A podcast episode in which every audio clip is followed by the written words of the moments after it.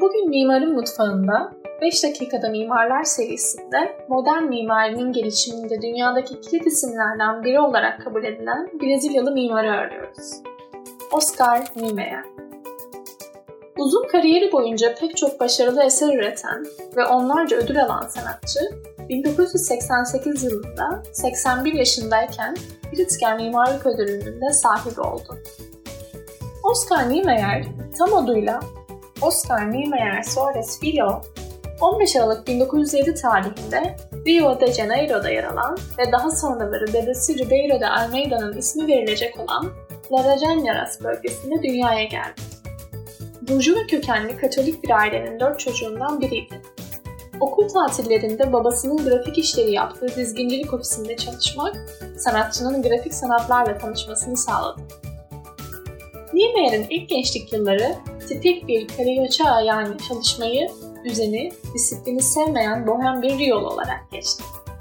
Meslek olarak mimarlığı seçmeye karar vermesinin ardından Rio de Janeiro'daki Ulusal Güzel Sanatlar Okulu'na girdi ve 1934 yılında mimarlık bölümünden mezun oldu.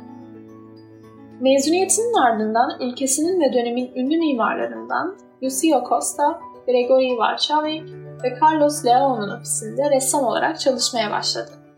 Çalışması karşılığında maaş alamasa da bu üç ünlü mimar, özellikle de Lucio Costa, sanatçının mimari yaklaşımının şekillenmesinde önemli rol oynadı. Niemeyer, 6 yıl boyunca çalıştığı bu ofiste önemli binaların tasarımında görev aldı. Bunlardan en önemlisi, Brezilya'da modern mimarinin ilk şaheseri olduğu kabul edilen Eğitim ve Sağlık Bakanlığı binası. Tanınan adıyla Gustavo Capanema Sarayı'ydı. Brezilya'daki ilk modernist proje olan yapı, aynı zamanda Amerika kıtasındaki ilk modern kamu binası da oldu.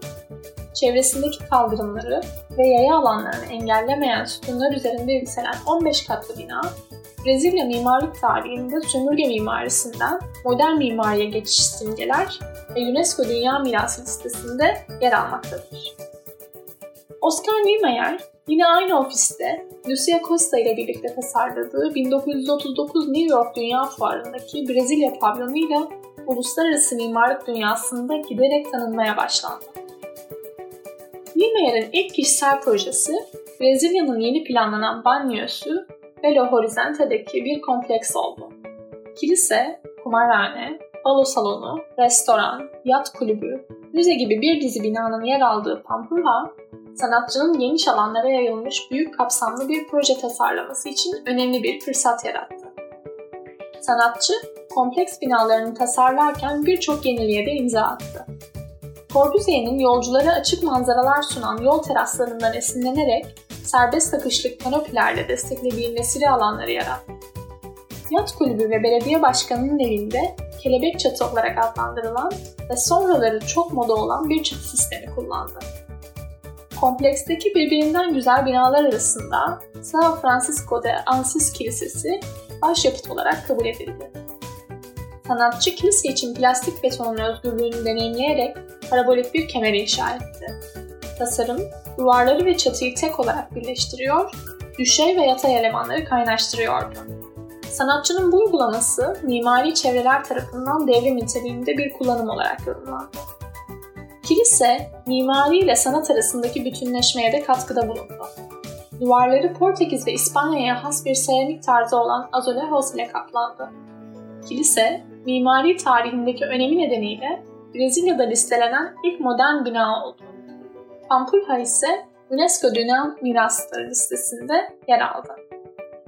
Pampulha, Oscar Niemeyer'e ülkesinde ve uluslararası alanda ciddi bir tanınmışlık kazandırdı.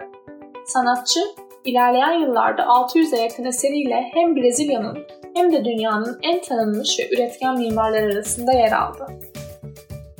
Pampulha projesini gerçekleştirdiği sırada çalıştığı belediye başkanı Juscelino Kubitschek, 1956 yılında Brezilya başkanlığına seçilince Niemeyer'den başkent Brezilya'yı yeniden tasarlamasını istedi. Niemeyer görevi kabul etti ve 1956-1961 yılları arasında Brezilya'daki hükümet otoritesinin baş mimarı olarak görev yaptı. Bu süre içinde kentte birçok kamu binası tasarlandı. Niemeyer kariyerine başarıyla devam ederken gençlik yıllarından beri benimsemiş olduğu komünist ideoloji nedeniyle 1964 yılında gerçekleşen askeri darbeden olumsuz etkilenerek ülkesinden sürüldü. Ve bu dönemde Fransa ve İsrail'de yaşamak zorunda kalarak yeni tasarımlarını burada gerçekleştirdi. 1985 yılında ülkesindeki askeri diktatörlüğün sona ermesiyle Brezilya'ya geri döndü ve hem yurt içi hem de yurt dışında çalışmalarına devam etti.